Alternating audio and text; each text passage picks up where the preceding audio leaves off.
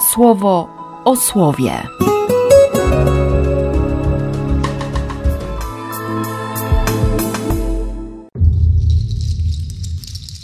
Dziewiętnasty stycznia, wtorek. Z listu do Hebrajczyków.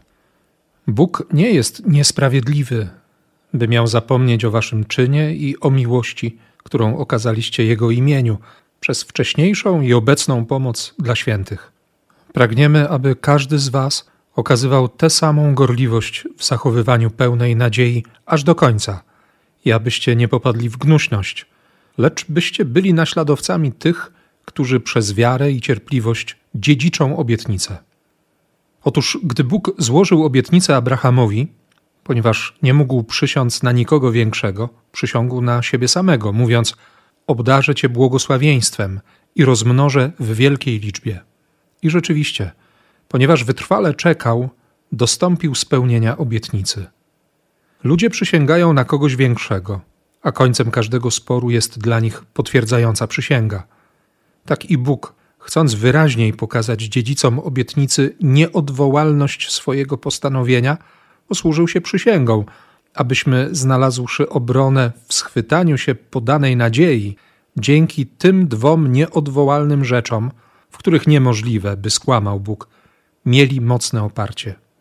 Trzymajmy się tej nadziei jak kotwicy duszy, bezpiecznej i pewnej, która sięga do wnętrza za zasłoną, dokąd wszedł występujący w naszej sprawie Jezus. On, na podobieństwo Melchizedeka, stał się arcykapłanem na wieki. Z Ewangelii według świętego Marka. Kiedyś w szabat przechodził wśród zbóż. Jego uczniowie zaczęli po drodze zrywać kłosy. Faryzeusze pytali go, dlaczego w szabat robią to, czego nie wolno? Odpowiedział im, nigdy nie czytaliście, co zrobił Dawid, gdy znalazł się w biedzie i głodny był on sam i inni wraz z nim – jak wszedł do domu Bożego za czasów arcykapłana Abiatara i zjadł chleby pokładne, które wolno jeść tylko kapłanowi, a dał je także tym, którzy z nim byli. Powiedział im jeszcze: To szabat został ustanowiony dla człowieka, a nie człowiek dla szabatu. Dlatego syn człowieczy jest panem także szabatu. Genialnie zaczyna się ten szósty rozdział listu do Hebrajczyków.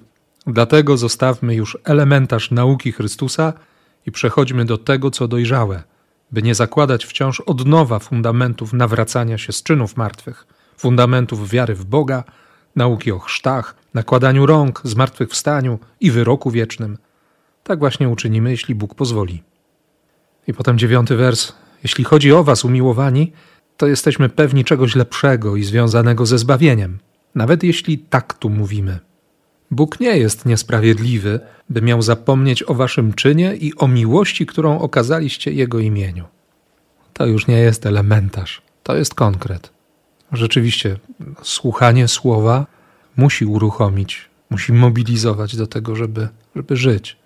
Słyszę, że Bóg kocha, że mnie kocha, więc na to reaguję, pozwalając innym doświadczyć Bożej miłości przeze mnie i we mnie że to się domaga zgody na ranliwość serca? Jasne. Że ta miłość może być odrzucona, że się nie uwierzy świadectwu? Pewnie. O tym przeczytamy w wersetach między czwartym a ósmym tego szóstego rozdziału listu do Żydów. Ale Bóg nie jest niesprawiedliwy, żeby miał zapomnieć. Niesprawiedliwość wyraża się w niepamięci. A przecież w głowie ciągle mam to, że sprawiedliwość to znaczy poszukiwanie, to wytężona uwaga, to wewnętrzny niepokój, dopóki, dopóki nie znajdę, dopóki nie odkryję, dopóki nie poznam pragnień Boga. I z jego strony jest to samo, tyle że nieporównywalnie bardziej i mocniej. Więc po prostu nie ma takiej możliwości, żeby on zapomniał.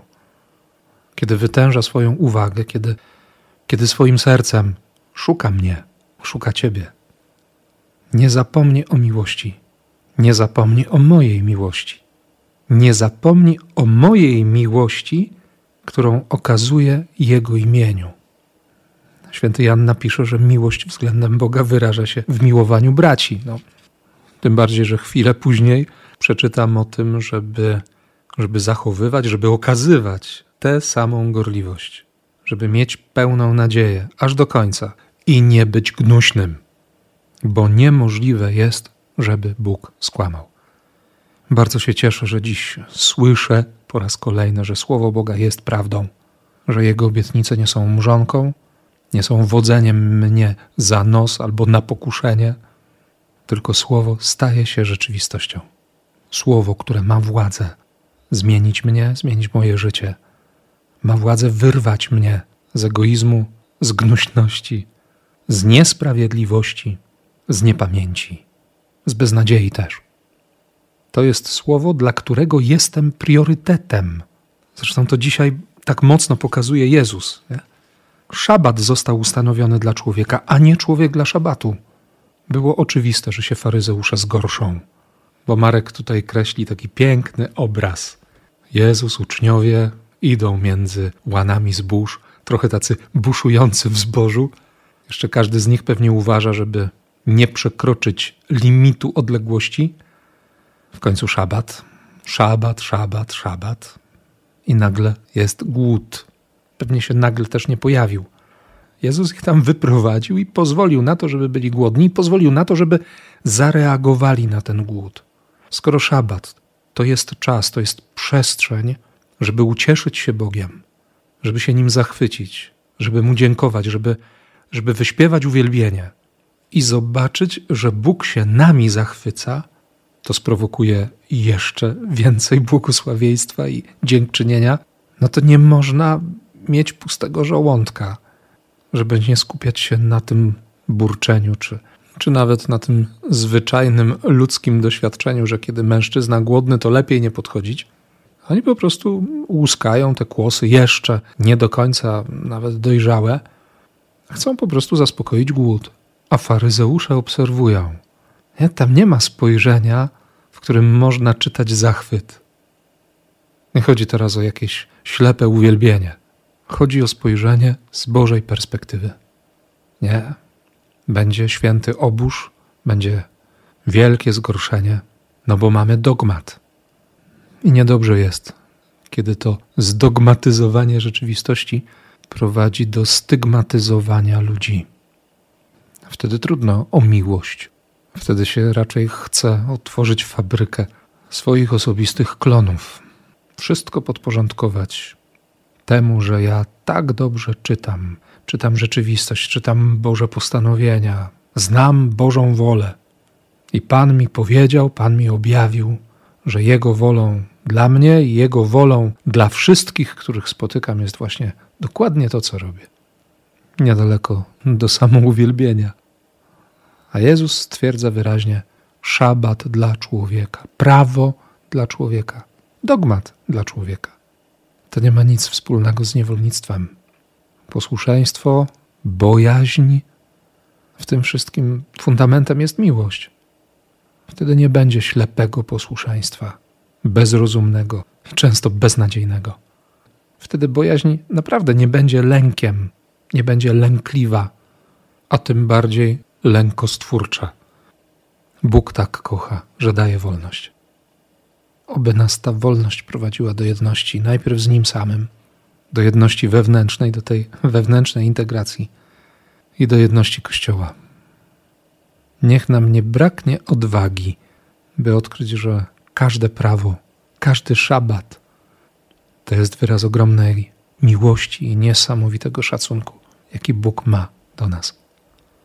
I niech to Cię dzisiaj chwyci za serce. W imię Ojca i Syna i Ducha Świętego. Amen. Słowo o słowie.